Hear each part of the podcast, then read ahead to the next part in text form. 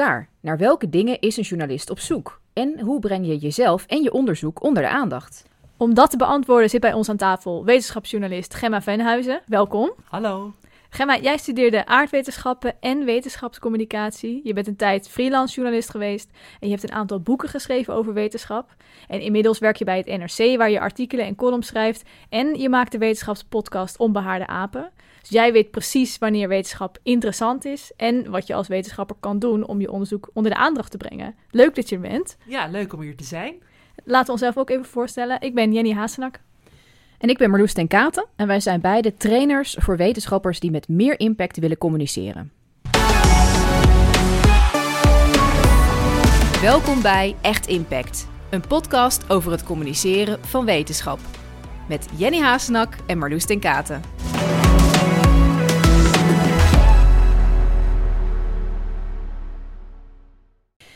Gaan vandaag uh, drie dingen bespreken in deze podcast. Het eerste is, wat maakt wetenschappelijk onderzoek interessant en nieuwswaardig?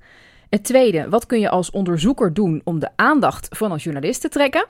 En last but not least, als dat gelukt is en je praat al met zo'n journalist, wat kun je dan het beste vertellen aan de journalist? Ja, dus Gemma, als we beginnen beginnen met een soort van kernboodschap, wat is jouw belangrijkste les voor wetenschappers die willen dat hun verhaal in het nieuws komt? Het allerbelangrijkste is laat weten dat je onderzoek bestaat. Dus wees niet te verlegen, wees niet te bescheiden, maar durf ook op journalisten af te stappen. Want hè, wij, vinden alles, of in ieder geval bijna alles, interessant.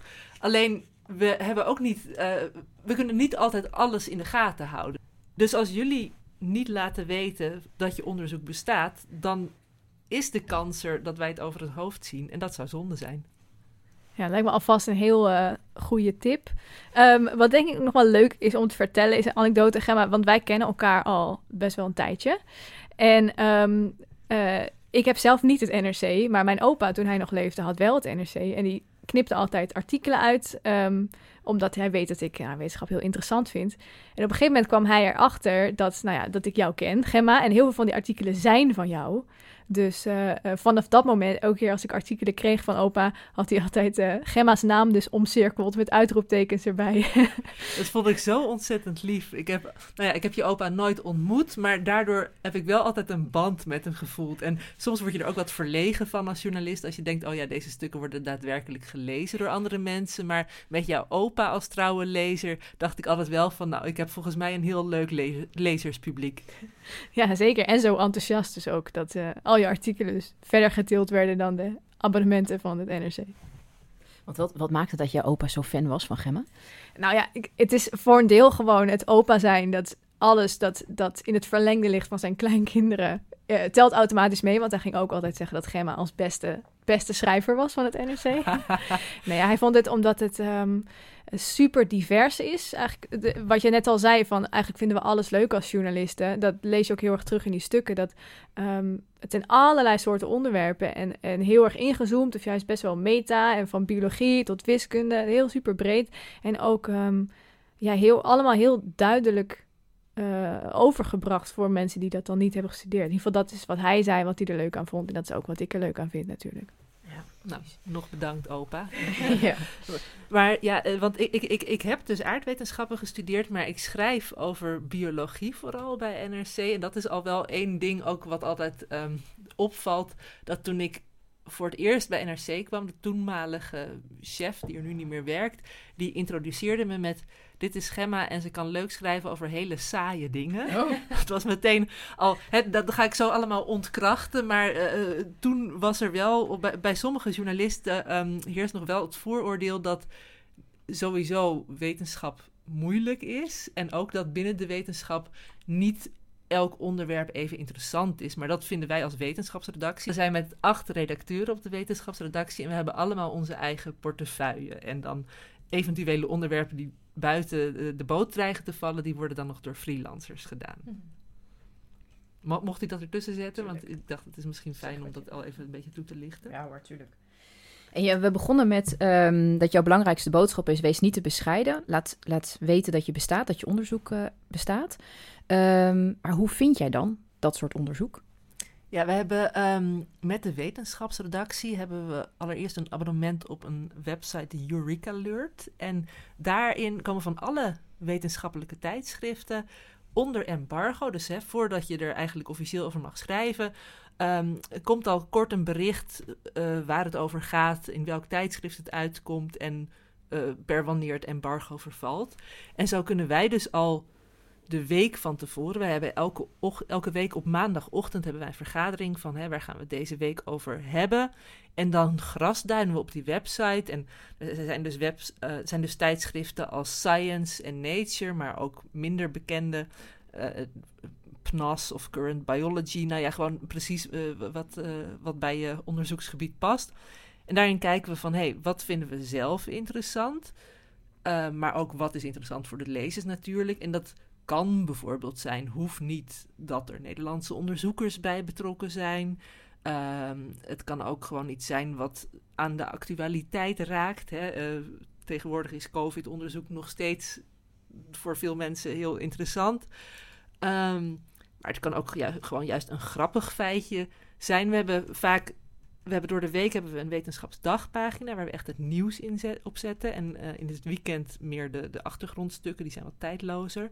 Maar voor de dagpagina's hebben we een beetje een onderscheid tussen niet to know, dus echt van wow, dit is baanbrekend onderzoek, of nice to know. En daar valt de biologie ook wel vaak bij, dat er gewoon, ja, deze week heb ik dan over dat uh, slangenvrouwtjes ook een clitoris uh, hebben. Dat was nog onbekend. En ja, uh, goed, voor heel veel mensen is dat misschien niet super belangrijk om te weten, maar wel interessant. En um, ja, die, die mix, die proberen we wel te benaderen. Ja, interessant. Dus, dus er is plaats voor zowel echt onderzoek wat effect heeft op ons eigen dagelijks leven, zoals COVID-onderzoek kan ik me voorstellen, en ook dingen die leuk zijn om te weten. Kun je dat soort van vatten? Wat maakt iets dan nice to know? Ja, zelf, de reden dat ik wetenschapsjournalist ben geworden is omdat ik zelf al heel veel dingen nice to know vind. dus dat is misschien niet helemaal, uh, ik ben niet helemaal het, het goede voorbeeld.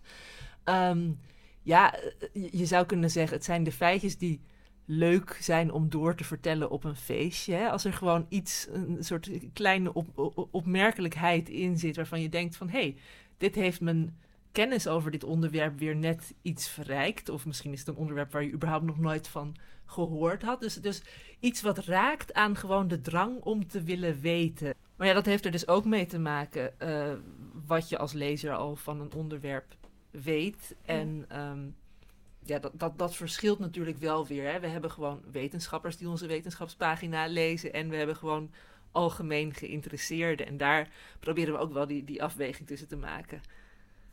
Je begon, uh, in het begin noemde je al even van, uh, ja, Gemma is diegene die dan saaie onderwerpen leuk weet te maken. Um, wat nou als je als wetenschapper denkt, ja, maar mijn onderzoek is hartstikke saai? Nou, dan zou ik, ik hoop het niet voor je, want dan, dan heb je misschien toch ook de verkeerde baan, toch? ik, ik, ik, ik was uh, vandaag nog een uh, zombie-mieren-schimmel-onderzoekster aan, het, uh, aan het interviewen. En die zei ook van, nou, ik word nog elke dag zo gepassioneerd over mijn onderzoek. Dat zelfs die, die, die mier met de schimmel in zijn lijf had ze op de arm laten tatoeëren. Ja. Ik denk wel dat het helpt gewoon als je als wetenschapper in ieder geval zelf gelooft in ofwel het belang van het onderwerp, ofwel in uh, het interessante van je onderwerp. Ze zeggen wel eens van, hè, saaie mensen bestaan niet. En ik denk ook dat saaie onderwerpen eigenlijk niet bestaan. Want de wereld is gewoon als geheel ontzettend fascinerend. Um, ik denk wel dat de manier waarop je naar iets kijkt en de manier waarop je iets vertelt, dat kan saai zijn of minder saai. Dus daarin kun je zelf wel als wetenschapper, als jij zelf weet duidelijk te maken aan een journalist uh, of aan iemand anders wat er zo leuk is aan je onderzoek, dan is de kans wel groter dat dat uh, door die ander ook wordt opgepikt. Ja, precies. Er is natuurlijk altijd een reden waarom jij zelf als wetenschapper een onderzoek doet. Dus dan kun je dat uitvergroten. Ja, het is ook, hè, stel dat je op een date gaat met iemand en je vindt jezelf ontzettend saai, of je vertelt alleen maar hele saaie dingen over jezelf, ja, dan verwacht je ook niet dat die ander verliefd op je wordt. Dus. En oké, stel nou uh, dat die wetenschapper uh, die nu luistert, die is nu overtuigd, die denkt, nou, ik heb inderdaad wel leuk onderzoek.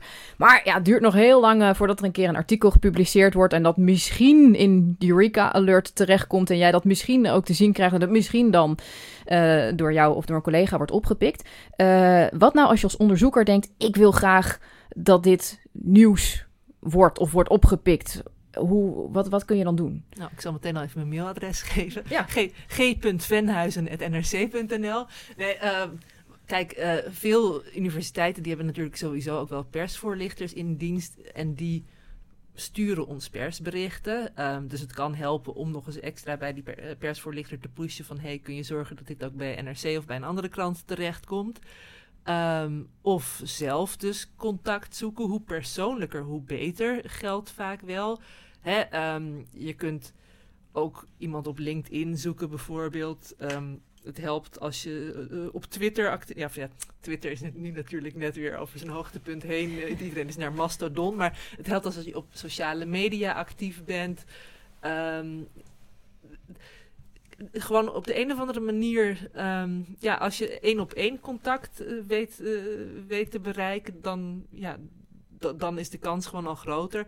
Ik heb ook vaak, als ik mensen heb geïnterviewd en ik denk van, oh, dat is een interessant onderzoeksgebied, dan zeg ik, laat het weten.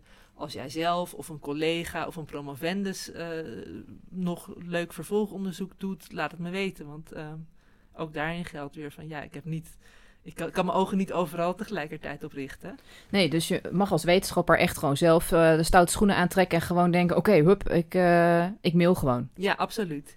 Ja, en dat is ook dan. Vind jij dat leuk om te ontvangen um, als iemand je via Twitter of via e-mail benadert? Ik vind het altijd leuk. Um, ik heb niet altijd tijd om meteen te reageren. Dat is dan wel weer jammer, hè? omdat uh, wat ik net zei, we hebben elke maandag dan over de, de, de dagpagina's van de doordeweekse um, uh, uitgaven hebben vergadering. En elke donderdag gaat het dan over de weekendbijlagen. En we hebben met z'n allen natuurlijk maar een aantal berichten per week die we kunnen maken. Dus uh, het is geen garantie dat als je een journalist benadert, dat er ook daadwerkelijk een artikel uit voortvloeit. Maar we houden die meeste onderwerpen wel in ons achterhoofd. Dus als het niet direct een nieuwsbericht is, denken we misschien, oh leuk voor, voor een interview of een achtergrondartikel een keer.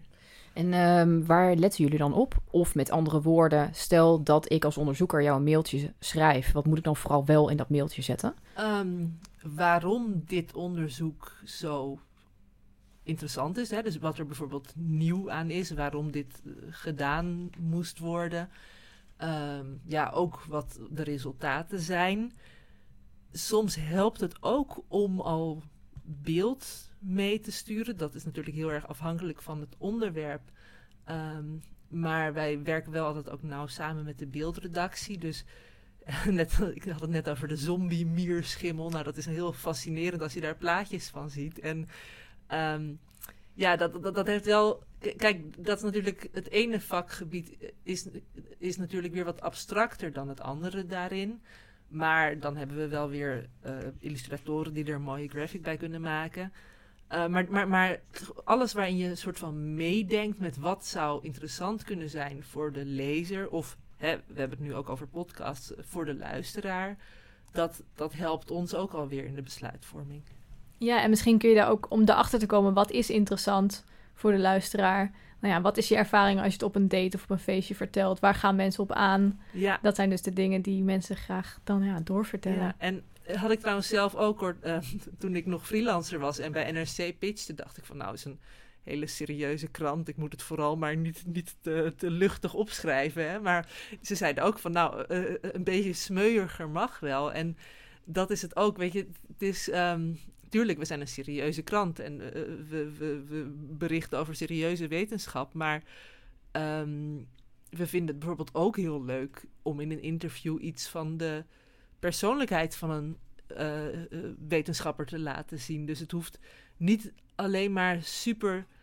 Kijk, dat is misschien een van de valkuilen. Toen ik zelf nog aardwetenschappen studeerde en ik nog overwoog van hè, zou ik de wetenschap ingaan op de journalistiek wat me een beetje tegenstond, was dat er zo vaak jargon werd gebruikt. En dat er zo ehm, objectief en passief werd gesproken. En bij journalistiek is juist alles veel meer um, actief hè, en. Um, en wordt jargon juist vermeden waar mogelijk. Dus ook daarbij geldt van ja, hoe, hoe toegankelijker je al. Kijk, er zit ook weer een valkuil aan. Ik wil zeggen, hoe toegankelijker je erover schrijft, hoe groter de kans dat het is opge wordt opgepikt, is ook niet helemaal zo. Want eh, ik wil er wel bij zeggen, wij schrijven onze berichten nooit op basis van een persbericht. Wij doen het wel echt op basis van het wetenschappelijk artikel, omdat we dus belangrijk vinden. Die persberichten zijn soms ook alweer een beetje gehyped. Of, of, uh, maar, maar het is wel een handige eerste kennismaking in de schifting van hé, hey, wat, wat speelt er en waarom is dit interessant? En vervolgens duiken wij de diepte in. Ja, dat klinkt zo stom, maar uh, vervolgens lezen wij dus het, het, het artikel en um, proberen we daar zelf een, een, een, een, uh, een vertaling, ja, een, een, een, bericht op basis van het artikel te schrijven. Ja, dus je gaat in het, uh, als je het artikel schrijft, ga je vanzelf al wat dieper erop in. Dus het hoeft nog niet allemaal in die ene mail te staan die je stuurt. Nee, nee, klopt. Nee, dat, dat, het, is, het is echt meer een soort, soort pitch van: hey, kijk, uh, ik besta en dit onderzoek bestaat en het zou leuk zijn als jullie erover schrijven. En alleen daaruit al, hè, als iemand mij benadert van hey, ik, ben net gepromoveerd hier en hier op, dan denk ik wel, oh, dat is echt iemand met, met hart voor zijn of haar onderwerp. En dan word ik zelf dus ook al nieuwsgierig daardoor. Ja, superleuk. En wij, Marloes en ik hebben, hebben een andere aflevering van de podcast, gaat over hoe maak je eigenlijk een pitch. Dus uh, die kun je luisteren. Niet nu, wacht even tot deze afgelopen is. Maar die kun je luisteren uh, en ook gebruiken voor dat e-mailtje natuurlijk naar een journalist. Ja. Die ga ik zelf ook nog weer even luisteren. Ja, zeker. Ja. Um, ja, die was bedoeld voor hoe kan je een anderhalve minuutje pitch op podium doen. Maar die kan je inderdaad perfect ook gebruiken voor een e-mailtje aan een uh, journalist. Um, jij noemde eerder ook van uh, wees zichtbaar op social media. Uh, van waar die tip? Nou, ik ben zelf al een paar keer hele leuke wetenschappers op het spoor gekomen. doordat ik op social media bijvoorbeeld zag dat ze iets posten over hun veldwerk. Hè, met biologie en, en ook geologie ga je toch heel vaak uh, op excursies of uh, het veld in. En um, social media is denk ik een hele laagdrempelige manier om wat over je onderzoek te schrijven. Waar dus ook niet allemaal, waar we het net over hadden, van uh, super wetenschappelijk en hoogdravend hoeft te zijn. En waar je ook iets van jezelf en je eigen fascinatie kunt laten zien, maar ook iets van het, het werkproces. En ook dat is interessant. Weet je, de uitkomsten zijn natuurlijk uh, uh, boeiend. De, de onderzoeksvraag is leuk. Maar soms de methode waarop je iets doet. Een kijkje achter de schermen. Dat, dat kan een een nieuwsbericht of een interview ontzettend verlevendigen. Um, hè, en ik ben ook in het verleden wel op uh, reportages geweest in het veld met wetenschappers mee. En dat was soms ook omdat ik dan zag dat ze een bepaald onderzoek deden uh, op social media. Ja. ja, dus social media kan ook een manier zijn om de aandacht van de journalist te trekken. Ja, en, en ook om hè, uh, op een makkelijke manier met elkaar in contact te komen. Ja, en, en uh, als het dan gelukt is, hè, je hebt de, de aandacht van Gemma, van jou, van die anders, weet het te vangen. En uh, nou ja, je wordt geïnterviewd door een journalist. Wat voor dingen vraag jij in een interview? Nou, ik vraag soms ook gewoon echt letterlijk naar of iemand een muziekinstrument bespeelt of wat dan ook. Maar dat is meer omdat, wat ik net al zei, het leuk is om de wetenschapper of de persoon achter de wetenschapper uh, te leren kennen. Maar ik, um, ik ben, ik ben een alles willen weten. Ik, ik vraag heel veel. Ik, um, ik kan niet van tevoren nu een lijstje zeggen van... Oh, hè, tuurlijk, ik, ik, wil altijd weten van wat doe je precies? Waarom is het uh, relevant? Uh, wat hoop je in de toekomst nog te gaan ontdekken? Um, waar ging het mis misschien ook? Hè? Dat, uh, vaak wordt er, te vaak wordt er denk ik alleen maar over de successen gepraat... en worden alle mislukkingen in de doofpot gestopt. Um, maar ik, ik laat me ook graag leiden door het enthousiasme waarmee iemand zelf vertelt. En uh, in die zin ben ik onverzadigbaar in mijn vragen. En hoe meer ik hoor, hoe meer ik ook wil weten. Um, helaas past lang niet altijd alles in de krant uiteindelijk, want we hebben onze woordenlimiet. En met de podcast hebben we ook een, een soort maximum tijdslimiet van drie kwartier. Maar um, ja, het is, gewoon hoe meer je, je praat. En daarbij, daarbij probeer ik het ook gewoon een beetje dus echt een dialoog te maken en niet een soort kruisverhoor. Uh, hoe meer je ook kunt zien van hé, hey, hier zit de rode draad van het uh, verhaal. Want, want soms gewoon alleen al door te praten kom je samen weer op, op, nieuwe ideeën. Of, nou ja, uh, Jenny, wij kennen elkaar uit de improvisatiewereld. En eigenlijk is een interview in mijn optiek, niet iedere journalist zal daarmee eens zijn, maar ook een, een, vorm van improviseren. Of eigenlijk elk gesprek. Hè? Dat je gewoon, je weet niet wat precies de uitkomst ervan, uh, die, je weet niet precies wat de uitkomst is. Die staat niet vast. En dat maakt het juist zo leuk. Ja, en ook heel interessant wat je zegt over de rode draad. Want zoals jij het beschrijft, uh, gaat het gesprek ook veel meer over het proces en de mens achter de wetenschap. Dus die rode draad is dan ook niet per se inleiding, methode, uh, weet ik veel, resultaten, conclusies, zoals je in een wetenschappelijk artikel schrijft. Nee, nee het is, eigenlijk kun je dat wel gewoon loslaten. Dat zijn wel ingrediënten die allemaal interessant zijn. Hè? En bij het lezen van de wetenschappelijke artikelen, tuurlijk lees ik al die secties en soms ook de, de, de supplementen. Daar staan soms nog de, de, de smeuigste details in. Um, maar ja, wat precies, eh, wat ik er uiteindelijk precies uitpik voor een artikel, dat zal toch elke keer wel weer een beetje verschillen. Hoe kun je nou als wetenschapper voorbereiden op een interview met een journalist? Mm, nou, ik denk, wat jullie net ook al even zeiden, uh, dat het soms ook kan helpen om wat over je onderzoek aan anderen te vertellen. Dat, ik denk dat wetenschappers daar ook wel steeds meer getraind in worden. Meer dan toen ik twintig jaar geleden begon met mijn studie hoor. Maar hè, dat, dat, je wordt aangemoedigd van hoe, hoe vertel je er op een toegankelijke manier over. Uh, ook dus bij jezelf weer even voelen van, oh ja, waarom ben ik dit gaan doen? Waarom word ik enthousiast van dit onderwerp? Um, verder ook een beetje de, de controle loslaten. In die zin van, hè, je hoeft je ook niet tot in de puntjes voor te bereiden. Ik heb sowieso, ik laat altijd, um, nadat ik iemand geïnterviewd heb, nog wel mijn stuk uh, lezen aan iemand anders. En uh, om te kijken of er geen feitelijke onjuistheden in staan. En ik merkte soms wel eens bij juist wetenschappers aan het begin van hun carrière... dat ze dan opeens heel zenuwachtig worden als ze hun eigen citaten teruglezen. Dat ze denken van, oh nee, maar ik weet dit nog misschien niet helemaal 100% zeker, maar maar 99% kan ik het wel zo zeggen. Dus onthoud ook, weet je, uh, de journalist is erop uit om, om, om jouw verhaal zo goed mogelijk te vertellen, maar heeft ook te maken met een lezerspubliek. Dus we, wees daar een beetje. Uh, heb vertrouwen in jezelf en de manier waarop het verhaal verteld wordt. En het, het zal nooit zo nauwkeurig in de krant komen te staan als in een wetenschappelijk tijdschrift. Maar uh, als de basisboodschap overkomt, dan kunnen mensen altijd nog vervolgens jouw wetenschappelijke publicatie gaan lezen. Ja, precies. Dus je mag ook wel een beetje vertrouwen hebben in de expertise van jou als journalist. Uh, dat je de dingen zo verwoordt zodat het nou ja, gelezen wordt door het publiek. Ja, en in je eigen expertise. Dus dat je niet daarna denkt van... oh nee, had ik dat wel zo moeten zeggen? En wordt mijn begeleider nou niet, uh, niet ontzettend boos. Dus wetenschappers weten ook gewoon meestal meer dan ze zelf denken. Ja. Want je hebt nog niet eerder meegemaakt dat um, een wetenschapper op zijn kop kreeg van zijn begeleider, omdat hij iets had gezegd wat hij eigenlijk niet had moeten zeggen. Nee, ja, kijk, dan is het hè, soms als het heel precair, uh, een heel precair onderwerp is, dan dubbelchecken ze dat nog wel even bij hun begeleiders. En ik bedoel, ik ben dan echt ook wel coulant als iemand zegt van, oh nee, die zin had ik eigenlijk echt nog niet mogen zeggen, want dat onderzoek is nog niet gepubliceerd of zo. Uh, dan, dan schrap ik dat er ook weer uit. Maar. Denk je dat er een verschil is tussen wetenschapsjournalisten en, en andere journalisten? Dus stel bijvoorbeeld een algemeen journalist van het AD komt of zo, of van nu.nl. Zou je dan als onderzoeker meer op je quivive moeten zijn, denk je? Of...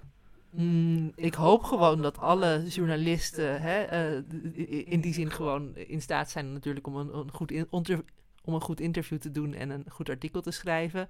Uh, ik, ik wil in die zin de wetenschapsjournalisten niet te veel op een voetstuk plaatsen. Maar aan de andere kant denk ik wel dat het soms kan helpen als je echt die wetenschappelijke achtergrond zelf ook hebt. Ik dacht tijdens mijn studie vaak van, oh, waarom moet ik al die saaie wetenschappelijke artikelen lezen? Sorry, sorry alle wetenschappers, er zijn ook heel veel leuke. Maar goed, dat was ik als student. Maar um, daardoor heb ik wel geleerd van hoe ik die artikelen moet lezen, uh, waarom ze interessant zijn.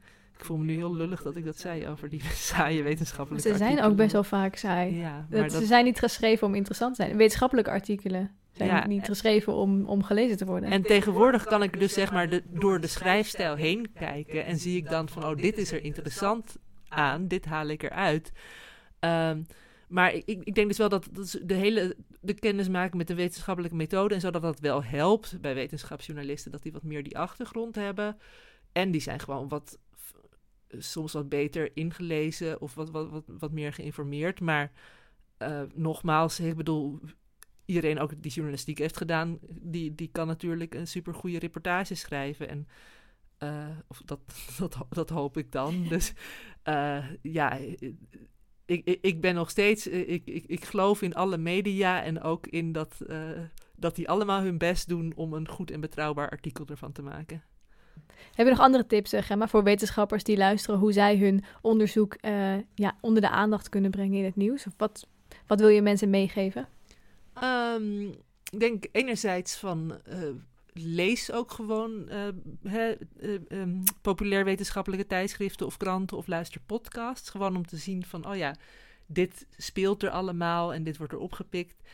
En anderzijds durf zelf ook te experimenteren. Want misschien is het juist naast die wetenschappelijke artikelen ook wel heel leuk om zelf nog een blog bij te houden. Of om ook eens, hè, je kunt altijd een opiniestuk naar de krant als als ik of een van mijn collega's nou toch niet reageer en je denkt, ja, maar mijn onderwerp is echt heel actueel, uh, dan, dan is het ook leuk om zelf een ingezonden stuk te kunnen schrijven. Of, um, nou ja, maak een website, uh, maak YouTube-filmpjes. Het is ook natuurlijk net wat er bij je past. Maar haal voor jezelf ook dat plezier van het communiceren uh, naar boven. En ja, volg natuurlijk een cursus bij Marloes en Jenny. Maar dat is. Nee, maar. En uh, ja, ik heb zelf ook heel veel gehad aan improvisatietheater. Gewoon omdat ik was vroeger heel erg verlegen. En um, dat heeft me wel geholpen om ook makkelijker te gaan presenteren. En ook denk ik om bij interviews minder zenuwachtig te zijn. En als je dus een wetenschapper bent met podiumangst, nou, kan, kan je daar op die manier nog wat losser komen. Ehm, maar vooral, ja, heb, heb plezier in wat je doet en blijf ook in jezelf geloven in wat je doet. Want ik weet zeker dat je een ontzettend interessant onderzoeksterrein hebt uh, waar allerlei mensen iets over willen weten. Wat een supermooie afsluitende boodschap. En dan bedoel ik vooral het uh, in jezelf geloven, niet zozeer koop een workshop bij Jenny en Marloes. Hoewel, dat mag je natuurlijk ook doen. Ik wil, hem, uh, ik wil hem nog even samenvatten. Ik ga een dappere poging doen. Ik heb meegeschreven met alles wat je zei. Uh, dus dan mag ik kijken of ik het goed heb gedaan. Oké, want even kijken hoor. We hadden drie hoofdstukken zijn we vandaag bij langs ge gegaan. Dus het eerste was, wat maakt wetenschappelijk onderzoek nou interessant of nieuwswaardig? Um, en je begon met, wees niet te bescheiden, laat sowieso weten dat je bestaat. Anders dan kun je überhaupt niet opgepikt worden natuurlijk. Um, en je bent nieuwswaardig als het inhaakt of op de actualiteit... of als het juist iets is wat je graag vertelt op een feestje. Dus need to know versus nice to know. En beide is dus eigenlijk oké. Um, wat kun je als onderzoeker doen om de aandacht van journalisten te trekken? Toen zei je van, uh, nou neem persoonlijk contact op. Je hebt ook je e-mailadres uh, gedeeld, dus je meent het heel serieus. Mensen mogen je gewoon mailen. Um, en wees uh, actief op social media. Durf jezelf te pitchen. nou, toen vroegen we van, nou, hoe pitch je dan jezelf? Nou, lees, maak sowieso even duidelijk wat is er nieuw aan je onderzoek. Deel de resultaten. Voor de krant super fijn als je plaatjes meestuurt en maak het vooral een beetje luchtig, smeuig, persoonlijk, toegankelijk. Kortom, skip dat jargon. Nou, daar zijn we het volmondig mee eens, Jenny. Ja, dat, dat uh, zeker zijn we het mee eens. Dankjewel, Gemma. Um, als mensen jou, meer over jou willen weten, los van jouw mailen, waar kunnen mensen meer over je vinden? Um, ik heb een website, gemmavenhuizen.nl, die ik geloof ik ook weer eens moet updaten. uh, en uh, ja, in NRC natuurlijk. Um, en we hebben onze podcast Onbehaarde Apen, die is elke woensdag staat die online. En uh, nou, daar zijn ook allerlei wetenschappelijke onderwerpen komen aan bod. Dus. Ja, super interessant denk ik ook juist om te luisteren naar wetenschap dat die niet lijkt op jouw eigen onderzoek. Om te kijken, nou, hoe komt dat op jou over? En hoe is dat? Mocht je als wetenschapper meer tips willen over hoe jij jouw verhaal kan delen, uh, kun je ook ons e-book downloaden, te vinden op echtimpact.nu. En dan klik je door naar download e-book.